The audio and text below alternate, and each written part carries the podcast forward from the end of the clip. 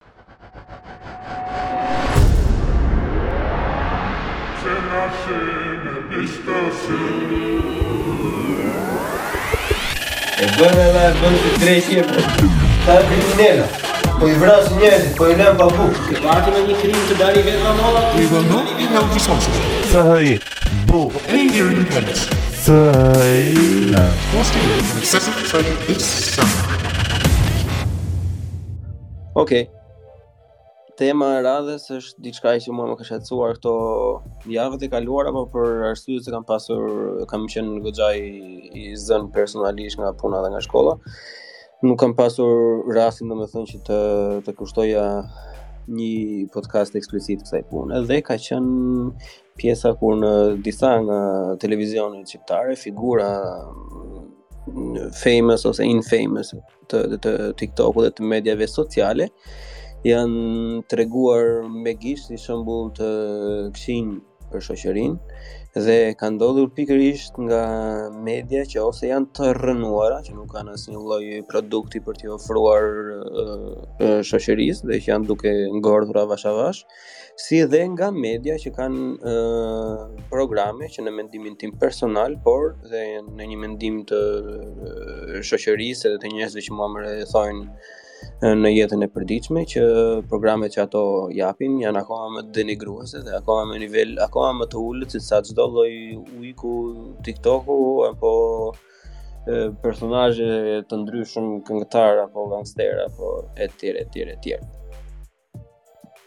Tani, um, si, para, si para shtresë domethënë, nuk e di nëse e ndjeni të, të, të problematikës, po doja një 3-4 minutë nga secili domethënë që si e shifni ju, para se të kalojmë në një tip debati.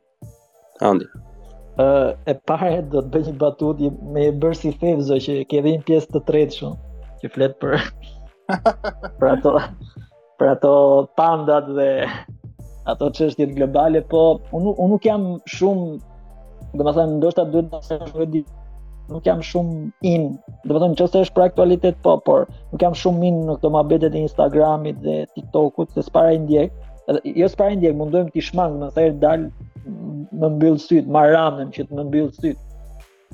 Po, edhe nuk e di për çfarë keni ndonjë rast konkret, se shumë në përgjithësi e di që media shqiptare është e mbushur me promovim budallenjsh dhe kur nuk i duhen më, ça bën i hedh tutje. Nuk e di nëse keni ndonjë rast kështu konkret apo ndonjë televizion apo personazh konkret. Rasti konkret për shkakun që se unë nuk e kam problem vetë të flas, është që uh, Top Channel dhe, dhe TVSH-ja, domethënë, po Top Channel i pari, duke u nisur nga programet që për mua janë llumi, llumi, si Përputhen, apo Kepi i tundimeve, apo më thetë thash, kanë dalë edhe Big Brother bashkë, sidomos dhe atë showin e të dy atyre e binjakëve domethënë që bënin ato pjesën komike sikur gjasme i hidhnin spermë femrave të ftuara që kishin dhe këndonin para mikrofonin, kritikonin, kritikonin persona siç janë Klevio Serpiano, Kozaku, Ujku Shijaku, apo ujqër të tjerë që të mund të ekzistojnë, që ça modeli janë këta që po i japim ne shoqërisë, nga i njëjti pozicion kur çdo gjë që ata reklamojnë në jetën tyre në në në programet e tyre të përditshme, domethënë nuk kanë asnjë lloj vlere dhe janë programe që në në Britani ose në Gjermani për shembull janë janë programe që janë dumb down, e kupton që thjesht i bëjnë brainwashing shoqërisë, i jep atë serotoninën në darkë kur kthehen nga puna që të kenë me çat merren edhe të të të të dëfrehen në një lloj mënyre e të të ndihen superior nga ata të tjerë që janë kaq injorantë dhe kaq budallenj që dalin përpara kamerave. E kupton? Po, e, jam pak më i qartë. Unë pash një e, një intervistë të këtij Kozakut, të cilin e, nuk e njihja si personazh, domethënë përpara se të arrestohej, ç'a ndodhi ajo gjë që u e kapën me ti. Ë me Fjodora Fjorën, domethënë un kam pasur një lloj vlerësimi për Fjodorën si një lloj gazetare. E, nuk e di, njëri nga këta, kush, Klevio ishte. Po, oke. Okay. Se më duken si një lloj. E, ky djali tani, ishte në intervistë me këtë dhe unë kam pas një lloj vlerësimi për Fjodorën dhe kur po shikoj pash që kjo ishte në intervistë tek TVSH njëshi, kanali i parë i TVSH-së, unë jam tronditur komplet një që kishte rënë për të sikur kishte pirë nja 2-3 teke bari edhe ndërkoj që fliste për balë saj, thoshe Pse thua ti mu kështu, po ndërkohë që e kishe për një person tjetër, domethënë ishte shumë uh, aliene si si si skenë. Top channel, top channel uh, ka marr personazhe uh, kështu uh, me të meta mendore për mua ajo pasditja që është ajo gjëja që bëjnë ata. ë uh, Klani pastaj promovim budallenjsh, po me sa duket paska filluar dhe TVSH-ja. Edhe këto personazhe që flet ti këto Përputheset edhe këto të këtyre programeve të tjera këtyre trash TV, domethënë është ironike se si mund t'i pyesësh për mend dhe mund të flasin për personazhe të tilla që thonë që kush është më mirë me me me nder jush kur thoshte gjyshja ime njëra është kak, kurse tjetra është pak më shumë kak, është është e njëjta gjë. Ajo që më shqetëson mua domethënë pash dhe para ca para ca ditësh është flasin personazhe të cilët uh, se ok, ne po flasim në hapësirë uh, dhe jemi tre veta këtu dhe po flasim në hapësirë uh, të lirë uh, në në Twitter, ndoshta nuk do na dëgjojë njëri, ndoshta na dëgjojnë 10 veta, 15 veta, por në televizion kombëtar ti nuk mund të marrësh njerëz që janë aspak të kualifikuar dhe të flasin për çështje për çështje uh, të përdhunimit të femrave, për çështje shumë delikate, për çështje ekonomie, për çështje dhe ajo që më shqetëson mua është që merren të njëjtët persona që domethënë o janë bërë të famshëm nga nga emisionet bastarde nga ato që përmende ti. Dhe flasin për tema japin mend për tema aq delikate sa nuk nuk ta pret mendja. Nuk e di para para para pak kohësh ishte ky Bledi Mane, Alfred Cako, kjo Ina Kollçaku, çfarë është kjo?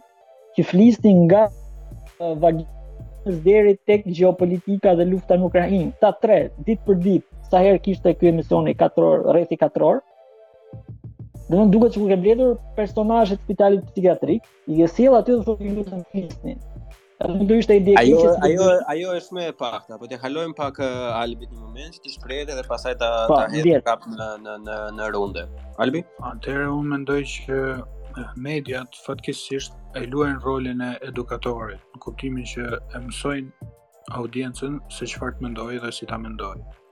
Por ne duhet ta kuptojmë, domethënë ne e kuptojmë, po njerëzit duhet ta kuptojnë që mediat nuk janë po themi Akademia e Shkencave ose universiteti ose shkolla. Nuk është se kanë një fond të caktuar, shpërndajnë rrogat dhe vazhdojnë bazë të disa kurrikulave. Media shkon pas audiencës, sidomos media komerciale. Nuk do duhej që televizioni shtetëror të shkonte pas audiencës, po me sa duket kanë kaluar nga trupi dhe shëndeti dhe hapësira e blertë, kanë kaluar në ekstremin tjetër te Klevio. Dhe një problemi është që kush e ka audiencën? Këto media po e shohin që po bën namin në TikTok Klevio, filani fisteku, e thonë si ta mjelim tani ne famën e këtyre për klikime, sepse rinia aty, aty po shkon, edhe bëjnë një emision. Duhet ta kuptojmë që edhe nëse ata e, kli, e kritikojnë Klevion, vet fakti që po i përdorin emrin, po marrin audiencë me emrin e tij. Po e shfrytëzojnë emrin e tij. Ai duhet të thotë më jepni lek se po merrni reklamë me emrin tim. Edhe kur dikush bën meme me dikë, po e shfrytëzon famën e atij personi, se me një person që s'është i famshëm ti s'bën meme, se s'ke audiencë. Apo jo. Ja. Atëherë Nëse jemi në këto kushte, ku shkojmë pas unë mbaj mend këtë Fabian Zhillën që bëri një status super kritik ndaj përputhen edhe ndaj degenerimit si e konsideronte ai të shoqërisë duke pa këto emisione dhe çfarë ndodhi doli edhe Fabian Zhilla në televizion dhe absurdi ishte që edhe kritika u përdor për klikime dhe këta kur dalin për të kritiku Klevion është thjesht një mekanizm për të rrit audiencën e vet edhe morali moralizmi, po them, jo morali, po edhe moralizmi është mall që ata i shesin. Ata nxjerrin një moralist, sepse ky moralist i merr klikime ose uh, shikime në rastin e televizionit. Dhe në këtë logjikë është edhe kjo puna e rrethit katror që flasim për për uh, avokatët në Han apo ku di unë se për çfarë. O Albion fal, uh, përballë vën uh, Olsi Jazexhiun dhe Zhakun dhe ti çfarë pret të ndodhë kur këta dy personazhe do takohen? Po pse mendon se i kanë vënë përballë ata dy? Pikërisht pra sepse do bëjnë zhurmë dhe do ketë shikueshmëri. Nuk është se do do e kenë Olsi Jazexhiu edhe pse është një rol problematik në televizion. Se do dalin nesër një lajm në portale, Olsi Jazexhiu lëshon bombën. Do e klikojnë dhe do shesin reklamat e tyre. Kjo është i gjithë thelbi i biznesit, kështu bëhet biznesi i tyre. Tani nuk është se ata funksionojnë edhe me mënyra të tjera, funksionojnë me gjoba, funksionojnë me korrupsion, financohen në shumë mënyra, por kështu do të jetë gjithmonë, fatkeqësisht media komerciale. Kështu që njerëzit që na ndjekin, ne e dimë, por njerëzit që na ndjekin duhet të mësojnë diçka. Nëse ty nuk të pëlqen Filan Fisteku, mos e kritiko Filan Fistekun. Nëse ty nuk të pëlqen Filan Fisteku, fik televizorin, mos i jep like, mos e komento, injoroje totalisht, të harroj edhe algoritmi, të harroj edhe kushdo tjetër. Nëse ti e harron dhe dënon me injorim një person, në botën e medias, nuk po them botën reale, po në botën e medias atë po e vret Kjo është vrasja për ta injorimi, kështu që ja ja ta ja ta trazoj unë një çikë enxheren se jemi në fakt ne të tre këtu jemi të gjithë nga njëra anë e muhabetit, po të të të, të vete unë nga ana tjetër. Ëm um, pa deri në momentin që këto emisione nuk që përforcohet dhe ajo që tha Albi, do të thënë që ta përdorin dhe dhe i shtojnë famë jo vetëm vetes duke përdorur këtë, po edhe atij tjetrit, të cilin po e mbajnë në gojë, edhe ata që s'e kishin dëgjuar këtë personazh tani do ta dëgjojnë dhe do fillojnë ta ndjekin. Unë e di, ashtu, i njof shumë mirë se kush është, pasi unë jam pak më i vogël se sa ju, më ha mendja, edhe kam një nga shokët e mi që e ndjek sidomos Klevin domethënë shumë fare, e kupton? Edhe në këto ditë që sapo kishte ndodhur ky emisioni që ishin thënë që po këta po na marrin fëmijët me qafë e të gjitha budallallëqet e ndryshme domethënë. Më tha ai shoku të lutem, duhet të futesh se s'bën në një nga këto live-et e regjistruara që ka filani dhe duhet ta shohësh se s'bën. Unë normalisht gjithmonë me atë skepticizmin tim që nuk më lë në fakt t'i t'i zbuloj disa gjëra në kohën e duhur. Zgjati disa ditë deri sa një ditë u ula dhe e dëgjova. Edhe është nuk e di domethënë sa e besueshme do të jetë për ju, po në atë mënyrën e vet, domethënë në atë mënyrën vulgare ose ku di unë vërjani një emër ju, e ke e keni empty space, i jepi vendosni çfarë lloj epiteti të doni.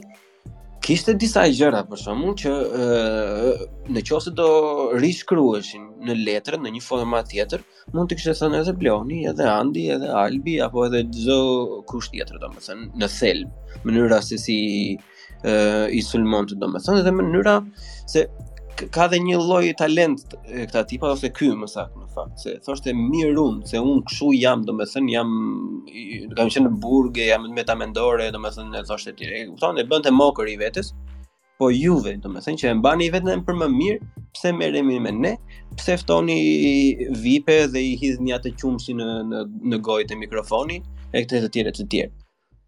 Nga kjo ana ky do me thënë për atë për çdo adoleshent, do me thënë duket që po vallahi ky mirë e ka. Do me thënë, mirë këtë e dimë të gjithë ne. Këtë ky gjëja e ka epitetin që është i keq, është i lig, është ku di unë me të meta ose është burgaxhi apo të tjera të tjera të tjera.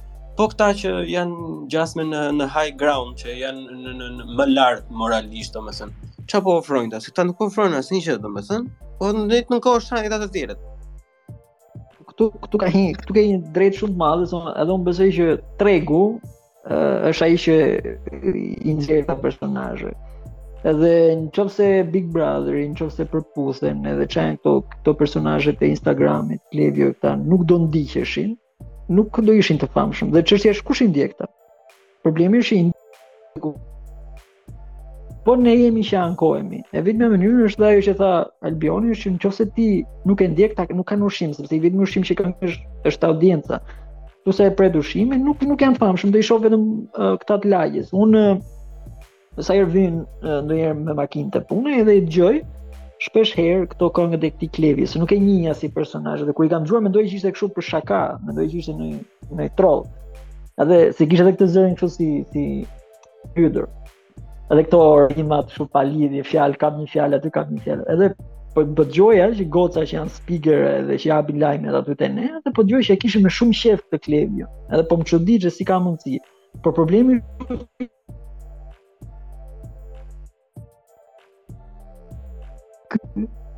U flet U shkëpute Andi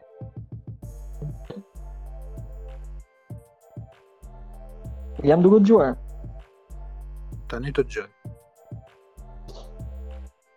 nuk duhet fajësuar ai pse po bëhet ai famshëm. Problemi është që janë njerëz që e bëjnë famshëm personazhe të tilla. Nuk ka asgjë fare, domethënë mund të dalë dhe budalla tjetër aty. Thotë shumë gjëra. Problemi është që është kjo jehona që japin televizionet kombëtare sidomos, që marrin në në një intervistë dhe publiku që i ndjek. Dhe mënyra se si mund të luftohet për mua, kjo nuk është duke e kritikuar. E para është ndoshta ti nuk do ta shohësh dhe kaq. Edhe e dyta unë besoj se mënyra më e mirë është të krijosh modele. Është sepse modeli mund të rri përball antivlerës ose jo modelit. Po në qoftë se bën vetëm kritikë dhe nuk ofrohet një model, sepse në qoftë se ata njerëzit mirë thua mos dëgjoni uh, këtë Klevion, po kë të dëgjojnë, një këngëtar të mirë. Dhe normal, një vlerë do ishte po them kështu kot në mënyrë dëgjoni Alban Skënderaj. Po në qoftë se nuk ekziston një vlerë edhe në televizion, në qoftë se nuk del dikush që të flasë drejt, flasë mirë, edhe të krijojë një lloj vlere, normalisht kritika bëhet dhe kritika e pavlerë, sepse normalisht mund ta kritikojmë secilin, uh, që është kështu, është ashtu, mund ta kritikojmë Alfred Cakon, por në momentin që mbetemi pa krijuar një model anti Alfred Cako, kjo ndodh edhe për për më gjerë në televizion dhe edhe në protesta. Dhe unë besoj se shoqëria shqiptare kjo është po, ajo që i mungon, modele. Për të, për të dhënë edhe edhe edhe një lloj peizazhi të të gjendjes, domethënë, po edhe edhe për më shumë. Unë si individ vetë jam absolutist i lirisë së fjalës, domethënë. Për mua duhet të lejohen të gjithë këta edhe të gjithë ata të tjerë çfarëdo lloji sado të jetë mendimi i kundërt, për mua duhet të jetë absolut i lirë çdo lloj individi të ketë platformën e vet sepse ja, jam shumë dakord fal jam shumë dakord problemi është që kur kjo fjalë mund të bëhet e dëmshme sepse ka një kufi kur bëhet e dëmshme ja ta them unë kur mund të bëhet e dëmshme pse është bërë i famshëm Klevio Klevio që është bërë i famshëm me me me gjysmat e këngëve, të paktën me aq sa kam dëgjuar unë, se mund të ketë edhe akoma të tjera, por edhe me këto live-et edhe këto gjëra që bën, e di pse është bërë i famshëm. Sepse ndryshe nga të gjitha personat e tjerë që ia luajnë njëri tjetrit, i bëjnë qoka njëri tjetrit, vipi vipit, domethënë nxjerrin kështu, nxjerrin ashtu, Ai është futur që në fillim kur ka hyrë në skenë, është futur me spatë, domethënë kur i thonë, do do vetëm merr shaj bëj dhe ka demaskuar kohë mbas kohe nga që ka qenë i përfshirë, domethënë se me sa di unë ka qenë i përfshirë me, me, me një pjesë jashtëzakonisht shumë të madhe të këtyre që e mbajnë veten si janë ajka shqiptare, domethënë, se ça bën ky tani? I thotë që juve që i shisni mend gjithë popullit, domethënë,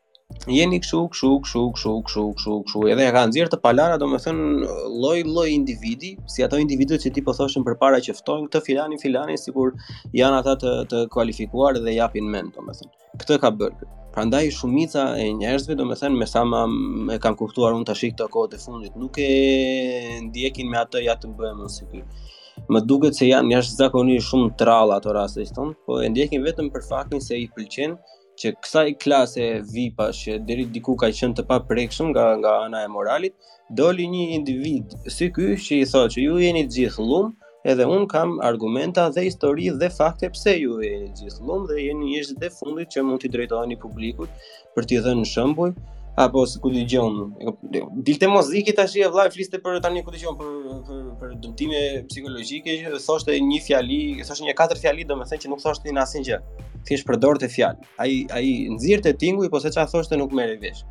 Dalin ata të tjerët të flasin për, për dhunën në familje, domethënë kur e, ato tekstet e, e, e i kanë ashtu si i kanë. Unë me këtë jam pjesë. Ti vërtet e, e ke atë profilin tënd, qëndroji profilit, nuk mund të hapesh si vaj në lakra. Edhe sado antagonist, se ky është si anti-hero, vlla. Ky është si e ka ai ai Marvel me të kuqe. Deadpool. Deadpool. A kështu më mua kështu më ka vajtur paralelizmi. Mund mund të jem, domethënë mund të mund, mund të shtoj vlerat apo mund të heq vlerat, nuk e di. Po këtë e kam menduar në fund. Është një personazh, domethënë në mënyrën e tij brutale karizmatik se nuk ka shanse që ta ndjekin aq shumë mijëra njerëz janë me një 60 mijë, 70 mijë kanë parë që e kanë ndjekur, kupton?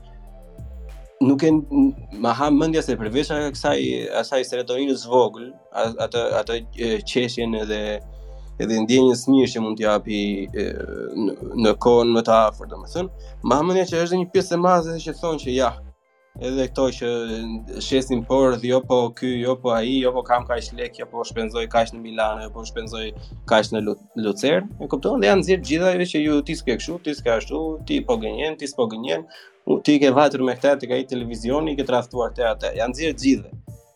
Edhe ky, domethënë, është uh, argëtim falas për publikun një, po edhe nxjerr nxjerr, shumë nga këta personazhe, domethënë që janë thjesht kanceroza, apo dhe jo, kupton, janë shumë personazhe, për shembull që unë i kam vënë re, se unë i kam seriosisht, disa nga videot i kam parë dhe me laps dhe me letër, domethënë, që vetëm doja të shikoja, domethënë, që sa ia fuste trapit kot edhe, edhe sa gjëra i qëndronin, thjesht mahnitesh në fund, plako që po t'ia heqësh atij ato uh, sharjet edhe atë mënyrën e tij, domethënë, do, do, do, thjesht do çuditesh ndonjëherë, domethënë ato fakte, që unë nuk e prisja asnjëherë, domethënë, si siç ta, unë personalisht jam jashtëzakonisht shumë skeptik kur vjen puna te të tilla, se unë nuk mendoj uh, se arrihet atë lloj mënyre dhe pavarësisht vetë si individ në jetën private, jam një person që përdor goxha shumë fjalë si, si ta themi fyese apo sharje apo etj etj. Si mendon ti? Ke bërë do do le Albioni, po thjesht do them diçka të vogël, domethënë ke bërë uh, njëjtën gjë, njëjtin vëzhgim si kush ishte ai Ismail Kadareja që tha Gold AG është super poet. Pra unë i ka tilin. Pra unë i ka tilin, po, domethënë që... Shiko, unë besoj se ke të drejtë në një farë pike, po nuk është se duhet të tregohemi dhe ne elitistë, kështu që dëgjoj muzikë dhome dhe muzikë Vjenës, edhe këto personazhe duhen. Thjesht është mos bëhen kështu super anti-vlerë e madhe, që më shqetëson. Tani unë me gjysmë humor, nëse më lejoni ju, do të do të bëja një interpretim marksist të situatës. Ti ta duash ti. Sepse kam pa një çun nga organizata politike, nuk e di cili ishte, që thoshte u futën në burg edhe Noizi edhe Klevio, i pasuri doli, i varfri ngeli në burg. Tani duhet të kuptojmë që ka dy klasa, meqë the klasa e vipave.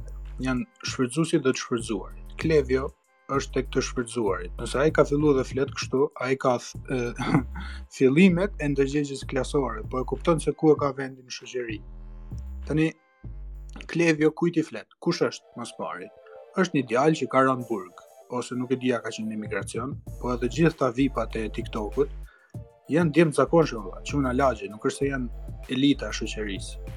Këta shkojnë në imigracion, këta janë ata që do hipin gomoneve, këta janë ata që do bëjnë burgun, do përpiqen të pasurohen me çdo mjet, por këta ju flasin tjerëve si ata, çunave të lagjes.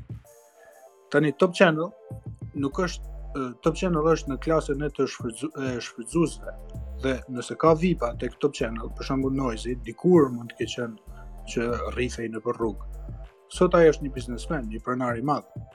Sot ai është pjesë e elitës sepse del krah kryebashkiakut dhe bën merr fonde dhe bën koncerte të mëdha.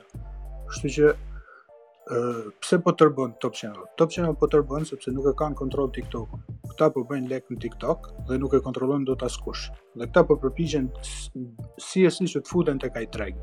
Dhe nëse ata e marrin Klevion në emision ose në ma, nëse marrin një personazh tjetër që është fringe në emision, përpiqen që ta institucionalizojnë, ta marrin ta bëjnë pjesë të vetes, ky le të bëjë famë, por gjithsesi po themi kontrolli ngelet tek e njëjta elitë tek i njëjti televizion. Por ata mund të marrin një, por pjesa tjetër do vazhdojnë të jenë atje, do vazhdojnë të jenë shfrytëzuarit, do vazhdojnë të jenë të jenë njerëzit e thjeshtë, njerëzit e përçmuar, nuk do të thyejnë kurrë, duhet të kuptojmë që secili ka një vend në shoqëri. Kështu që ky është konflikti për mendimin tim. Për mendimin tim TikToku po e demokratizon një farë kuptimi gjithë këtë tregun mediatik. Ka probleme sigurisht, sepse nxit injorancë e madhe. Po tek i fundit çfarë janë faqet e memeve? Çfarë jemi ne që po flasim këtu? Jemi njerëz që nuk kemi akses në media, nuk kemi miq të fuqishëm, nuk kemi nuk hedhim lek për të bërë reklama, por përpiqemi të komunikojmë me njëri-tjetrin, përpiqemi të nxjerrim ndonjë mesazh, përpiqemi edhe të ndryshojmë për mirë, nëse mundemi, dhe themi i flasim njëri-tjetrit, i flasim të ngjashmëve me ne. Kjo atyre nuk ju leverdis dhe ata përpiqen të blejnë disa figura të shoqërisë civile, disa figura të internetit, disa edhe faqe memesh blejnë. Më fal, Albion, për të thënë për të thënë diçka uh, se jam dhe një çik në brendësi të këtyre mediave. Uh, shumica e analistëve, të paktën atyre që fla, edhe mund të jenë analistë të të çështjeve sociale, nuk lejohen kryesisht të dalin nëse ke kontratë me një televizion, nuk lejohet të dalësh te televizioni tjetër të flasësh. Domethënë e, e kanë centralizuar dhe figurën e dikujt, e kanë monopolizuar domethënë si tip branding. Po edhe vetë statusi i analistit po. është Jam me parti. Dalim këtu po, ose po. atje. Ai nuk bën analizë, ai bën propagandë partiake për njërin, për njërin krah ose për një politikan që e mbështet. Kështu që është gjithë. Prandaj dhe Arjan Konomi do të thënë nuk dilte me asnjë vend tjetër gjatë kohës së Përputhen, po dilte vetëm në TikTok. Sepse kanë kontratë. By the way, kontrata. me Klevin bashkë edhe me Kozakun me Arjan Konomi, po, sepse atëherë ishte vetë gjë e parregulluar në kontratë. Ajo funksionon me kontrata, domethënë me daljet, po Ajo që tha Albioni është vetëm një gjë marxiste, momentalisht kështu e pastër, sepse është barazi për, për secilin, për, për, për gjithë ne. Edhe nuk është se ka një kontroll kështu super të centralizuar, mundohet mundohet të bëra, mundohen ta bëjnë televizionet, por prap aty secili është aty është realisht marksizëm, domethënë marksizmi i pastër që secili është në në në gjendjen e tij bën çfarë do, secili është i barabartë. Po Por ai momenti që edhe aty do kontrollohet dhe aty do vendoset rendi natyror i gjërave në mënyrë normale. Kjo, Dikush do bëhet lider, kjo, të tjerët pastaj do jetë. Kjo, unë do të bëj një pyetje, por do t'ja bëj Albionit. Domethënë, ti fole për uh, reperët, të cilët këta edhe për këta figura që janë me me klasën edhe marrëdhënien klasore. Edhe Noizy, edhe ndoshta edhe Stresi me këta që kanë kanë një lloj atashimi dhe tashmë janë bë disi elitarë me pushtetin e gjitha këto. A mendon që në këtë qerthull, në këtë zhurmnajë shumë të madhe të këtyre gjërave, a mendon ose a ndoshta edhe ka dalë, nuk jam në dijeni, po që do dalë një figurë, një reper i popullit, po them, një rep, një që flet edhe për shumë probleme, për çështje klasore, po. për minatorë, për për ata të papunët, për gjëra të tilla. Na e ka emrin Katil. Po.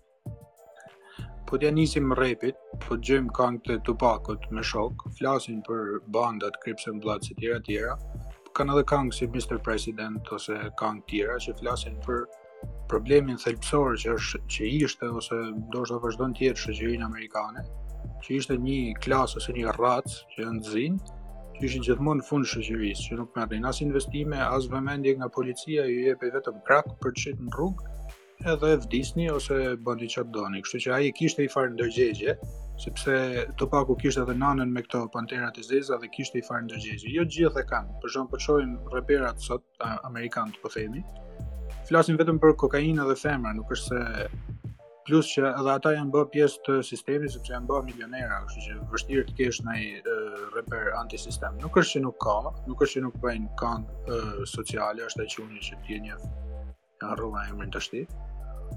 Por ë ë varet nga ndërgjegja e tyre, varet sa ata e kuptojnë që mund ta përdorin këtë medium për diçka të mirë. Dhe varet jo vetëm për reperat, por kjo vlen për gjithë. Varet sa Bleoni, sa Albioni, sa Andi e përdorin po, Albi, pak audiencë që kanë në rep. Vllai se si si duket, domethënë nuk qenë keni në dijeni të repertorit të Unikkatilit. Ore, po jam dakord për Unikkatilin, po flas për aktualisht që është ai Killua që bën edhe këngë. Po, Aris Dema e ka. Po ka një farë kuptimi, jo vetëm llapa llapa un jam i mirë, un jam më i miri, po ka një farë e bën njeriu me mendu avash avash, prit se kush jam, prit se ku shkoj, prit se dikush po po më shfrytëzon, po tallet me mua. Kështu që ai ai më fal Albion, ai ka një ai ka bën një lloj uh, parimi me veten, se unë unë e njoh e kam e kam mik, edhe domethënë aty çka bë me veten është që nuk dua të jem njeri komercial ka thënë, edhe gjithmonë ka refuz sepse do të krijoj një një lloj edhe një lloj uh, repi disi uh, urban, domethënë atë pjesën e qytetit që nuk e shikon askush, domethënë ata ata njerëzit që nuk i nuk i shikon askush, ato gjëra që nuk i nuk i shikon askush. Sepse është shumë e lehtë të biesh në të, edhe un është po të njëjti njëjti shok s'e dua të përmend emra, person që shoqërohet me të, bën muzikë komerciale, domethënë sepse gjithë kanë këtë tendencën që në treg ndryshe nuk nuk bëhet, por shikojmë që ka njerëz që të vlerësojnë dhe për atë që është i famshëm si si këta Enca e nuk e di ë këngëtarët komercial, por ama do kesh ndjekës të cilët do të dëgjojnë realisht për atë që ti bën, dhe jo sepse je një njeri komercial. Shiko, unë shpresoj që ai t'ia dali, por problemi është që më së pari të duhet një audiencë, kështu që a do jesh komercial apo do jesh ku di un për problemet sociale apo të flasësh për problemet e popullit tan. Mbaj mend ka qenë ai repisti Doza që pati ba kangën Unë jam Klodiani. Edhe ky Doza ka qenë dikur ose ka qenë ajo kanga asociimi, ju kujtohet? Po. Edhe sot e kësaj dite është aktuale. Kështu që këta janë djem, këta janë djem të djem të lagjes o burrë, këta janë djem të thjeshtë, hmm. nuk mund të presim. Po pra këta janë ndryshime për shembull unë që që që e pëlqej dhe që e ndjek goxha si sken, domethënë e kam ndjekur kur kam qenë shumë i vogël. Për shembull ndryshimi mes mes dikujt si si si Doza dhe Killua dhe Unikkatilit është fakti që E para as Killua as Doza fal Andi se meqë e ke edhe mik nuk jo, jo, ja pa njëtin nivel që kanë këta tili as nuk krahasohen domethënë se unë nuk mendoj jam dakord në në në në të njëjtin nivel domethënë por por nuk shiko këta të rinjtë nuk e kanë këtë humility më më, më plotësojnë një çik Albi si i thonë në shqip lutem Po, por edhe ka pasur Unikatili që i që i ka bërë këngë me atë nivel që i ka bërë, po i ka bërë edhe nuk ka pasur shumë problematik se në ato vite kur kam qenë nuk di gjë 10 vjeç apo 15 vjeç ishin Babastars dhe Tingulli Trent dhe të tjerë të tjerë që e merrin gjithë vëmendjen. Ai ka vazhduar, i ka bërë. Kurse shumica nga ata të vegjël tash domethënë më shumë ankohen që pse nuk e marrin ata vëmendjen dhe pse e marrin ata të tjerët. Kur në fakt, siç e thashë përpara tregu e vendos. Unë tani duhet t'ju ftoj juve të dyve, edhe çdo individ që do ta dëgjojë podcastin ku të ngarkohet, të dëgjojnë këngën e Unikatilit që quhet Qëndro. Nuk ka këngë që që nuk ka asnjë këngë tjetër të krahasueshme me atë në Shqipëri që të jetë aq aktuale për dhimbjen e madhe që kalojnë të gjitha familjet shqiptare dhe shteti shqiptar me ikjen e të rinjve me të gjitha të tjera, apo që jemi për kujtime, apo lotët e nënës, apo të tjera, tjera, tjera, për shumë. Unikatili edhe ka mbështet studentat kur u bë protesta e madhe, po. kur qeveria ka frikë nga populli, atëherë vjen ndryshimi. Kurse në Shiko... është në krah të të qeverisë. Unë mendoj... Unë mendoj që është e vërteta që ka thënë Dostojevski, domethënë, arti i mirë vjen nga vuajtja e madhe, dhe çështja është që unë shikoj se këta bëjnë shumë kopje, edhe Noizy dhe këta, jeta e vështirë, banda domethënë të kopjuar dhe modele amerikane, edhe për Killua, në këtë rast, domethënë, vlen kjo kritikë, një artist i cili nuk ka vuajtur shumë edhe nuk e ka marrë këtë nuk mund të krijojë art, domethënë arti nuk mund ta krijosh kështu nga po, hiçi. Është problemi, është problemi te gangsta rap. Gangsta rap në Shqipëri është fut po te vonë kur janë kur janë për, ndesh këto grupet e TBA me ça ishte ajo tjetra. Ëh, uh, po kanë qenë fiktive një çik, se nuk është se kanë qenë kështu Ok, po kjo vjen nga kultura amerikane që ndesheshin bandat me njëra tjetrën. Edhe në Shqipëri që filluan shkoi dhe ai djali ai Jetmir Dollapi ngeli paralizuar, mos ai tjetri po. mos që gjuajti me pistoletë, nuk është lehtë të futesh në treg. Mirëpo gangsta rap në fund do prodhojë gangstera, ata ok, kanë evoluar tashmë janë bë biznesmen, Noizy s'e ka mendjen për t'u rrahur rrugëve mendoj. por gjithsesi është vështirë që Killua të futet te Gangsta Rap do të sfidojë ato tash ose jo nuk po them këtë unë po them që uh, ka fusha përveç Gangsta Rap ka shumë fusha po besoj që nga vuajtja nga kjo aty e gjen terrenin për të bërë tekstin domethënë për të gjetur lyrics për të bërë uh, muzikën Edhe unë shikoj që këta... ka shumë repista të majtë. Madje ka qenë po. vra një repist i majtë dhe u bë një super protest nga antifashistët atje. Me sa mbaj mend. Këtë, këtë po them unë, të kërkoj, domethënë të kërkoj të uh, dramat shoqërore dhe prodhohen sepse në qoftë se ti nuk je aty, nuk i shikon gjërat aty, nuk merr pjesë, në qoftë se do je nuk je edhe reper, që merr pjesë në një protestë në gjëra, nuk i shikon ato dhunën e shtetit dhe këto, nuk e si e krijon këngën, nuk e si e krijon tekstin, Kjo është fal që po ndërpres Andi, se po ndërpres shumë. Ka që? Por nuk është vetëm repi, është edhe muzika rock. Muzika rock ka lind si rebelim, dhe metalarët gjënë më të rebelushme që bëjnë është që pinë bar. Nuk i shohim kurrë në asnjë lloj aktiviteti, s'po them politik, po nuk, as me asnjë lloj ndërgjegje që të rebelohen ndaj sistemit. Ajo është degë, degë e vdekur e muzikës, fatkeqësisht. Po ekziston disi, edhe ata që supozohet që të jenë rebela dhe nuk nuk ka rebelim. Po kjo ekziston kudo, edhe në në pikturë, edhe në në ku, në përkundrazi janë këta metalarë që kam parë janë njerëzit më të butë që njoh, domethënë më më fakirë. Mirë të butë, po të konfirm të konfirm të konformuar. është e frikshme. Edhe pjesa e si te ky filmi shqiptar që bishti i qenit bisht qeni ngelen. Të gjithë këta që janë bërë edhe biznesmena që edhe do ku dëgjon do do marrin investime au ju. Të gjithë nuk e kanë atë kapacitetin që do e kishte një person. Shoqëria civile. Zhaku që e përmende, sot është më afër Lali Erit se ç'mund të jetë po. afër popullit. Jo, merr merr fonde, merr projekte, merr kështu, edhe është bërë e stacionit. Por prandaj shiko, un prandaj po them që në në rastin e muzikantëve ne do t'i ndajmë pak. Un jam gjithmonë për shembull që duhet ndar artisti nga nga arti që ai prodhon, domethënë në çdo lloj rasti, kushdo artist të jetë, çdo lloj gjëje që mund të ketë bërë, sepse të gjithë këta në Shqipëri e kanë kaluar cakun. Ë Unikatili kur ka ardhur për herë të parë për koncert, nga pjesa që nuk ishte mësuar as me kamerë as me ndonjë gjë, një nga ata reporterët e Kosovës e ka shtyrë në aeroport. Noizi vërtet është gjasme biznesmen dhe po shikon investime strategjike.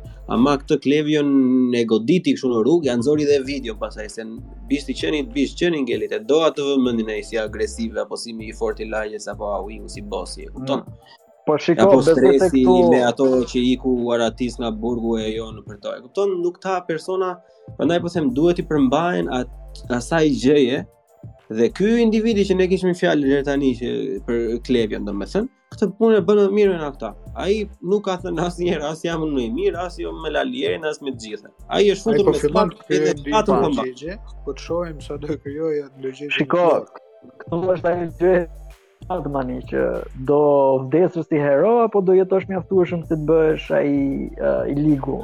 Si Bravo, e ke kapur më më po, fiks nuk ka mundësi. Të dy shembuj, dy shembuj perfekt që më vijnë ndër mend sa e them këtë gjë është Ermal Mamaqi Gaz Paja, që kanë qenë shumë nga të preferuar nga publiku, humoristë dhe tani janë bërë të ligët. Edhe unë besoj se edhe për këta do kenë njëjtin fat. Shpresoj që mos e kenë, po.